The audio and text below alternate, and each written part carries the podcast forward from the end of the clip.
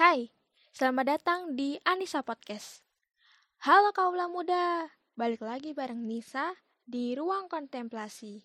Saatnya kontemplasi dan temukan makna. Gimana nih kabar kaula muda?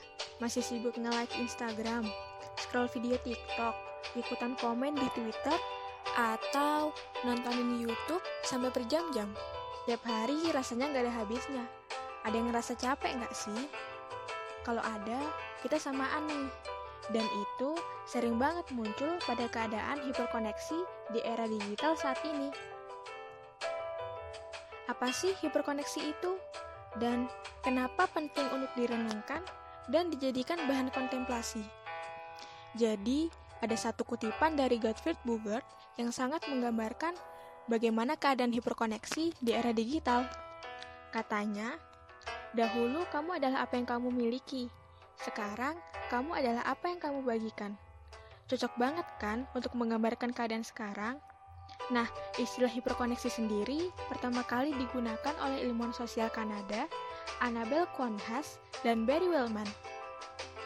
Hiperkoneksi ini muncul dari studi mereka tentang komunikasi dari orang ke orang, orang ke mesin, dan mesin ke orang secara luas ke dalam suatu jaringan. Menurut pilingan 2011, hiperkoneksi merupakan di mana masyarakat terhubung secara luas melampaui batas-batas sosial, ruang, dan juga waktu.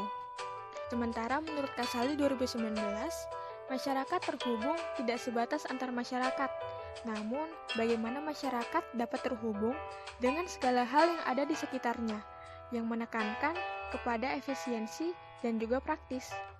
Secara sederhana, hiperkoneksi dapat dimaknai dengan kebutuhan untuk terhubung ke internet dan jejaring sosial. Gimana? Udah punya gambaran kan soal hiperkoneksi? Nah, pertanyaan selanjutnya, kenapa sih hiperkoneksi ini perlu untuk direnungkan dan dijadikan bahan kontemplasi? Bukankah kita adalah salah satu dari jutaan pengguna ponsel pintar yang tidak bisa untuk berhenti mengecek ponsel walau hanya satu jam. Tanpa sadar, hiperkoneksi yang menghubungkan justru memisahkan. Ponsel pintar yang digunakan pun memudahkan sekaligus menyulitkan. Hiperkoneksi membuat kita lebih suka merespon suatu gejala dan menuangkannya dalam media sosial secara cepat, seolah-olah setiap individu memiliki tanggung jawab untuk memberikan pandangan terhadap segala fenomena yang ada.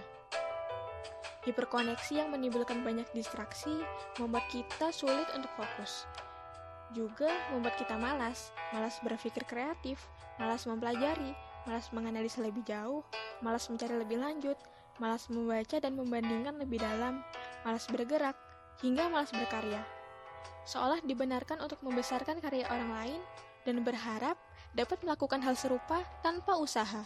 Kita selalu tergesa-gesa, inginnya mudah, berpikir secara cepat, dengan selalu memburu kesimpulan. Hiperkoneksi membuat jutaan orang mengejar reputasi, mengutamakan eksistensi, tanpa mempertimbangkan substansi. Hiperkoneksi juga membuat segala terasa instan, mudah, cepat, seolah tanpa proses dan usaha yang panjang dan berat. Namun, di balik serangkaian benang kusut dari hiperkoneksi tadi, juga ditemukan ruang hampa dan kosong dalam diri sendiri. Hiperkoneksi mematikan nurani, juga mengikis empati. Hiperkoneksi dengan paparan informasi yang tiada henti memungkinkan munculnya stres dan depresi. Selain juga menyebabkan kesalahpahaman, hiperkoneksi mempengaruhi terbentuknya identitas remaja secara negatif, seperti membandingkan diri dengan orang lain di sosial media, rasa tidak aman, citra diri yang buruk, narsisme, hingga apatisme. Jadi, masih mau mengabaikan bahaya hiperkoneksi? Saatnya bangun dari tidur yang panjang, buka mata dan buka pikiran. Yuk kita belajar terhubung, tak hanya dalam ruang digital, namun terhubung secara nyata dengan pikiran penuh. Bisa dimulai dengan mengajak berbincang keluarga di rumah mengenai masalah keseharian, atau ajak sahabat untuk mengobrol panjang tanpa ponsel. Tepikan sebentar urusan-urusan dalam ponsel, luangkan waktu sejenak, dan rasakan kehangatan yang telah lama kamu cari. Kontemplasi ini bukan hanya untuk kamu, tapi untukku, untuk kita. Semoga menyadarkan kita bahwa banyak di sekitar kita yang sebetulnya memerlukan perhatian lebih. Meskipun penuhnya isi kepala seolah-olah tidak ada habisnya. Semoga kontemplasi ini menyadarkan untuk belajar terhubung secara langsung untuk menemukan makna hidup. Terima kasih telah mendengarkan sampai akhir. Jika kamu ada kritik dan saran atau request topik yang akan diangkat, bisa DM ke Instagram at Anissa Azura. Jangan lupa nantikan episode Ruang Kontemplasi berikutnya.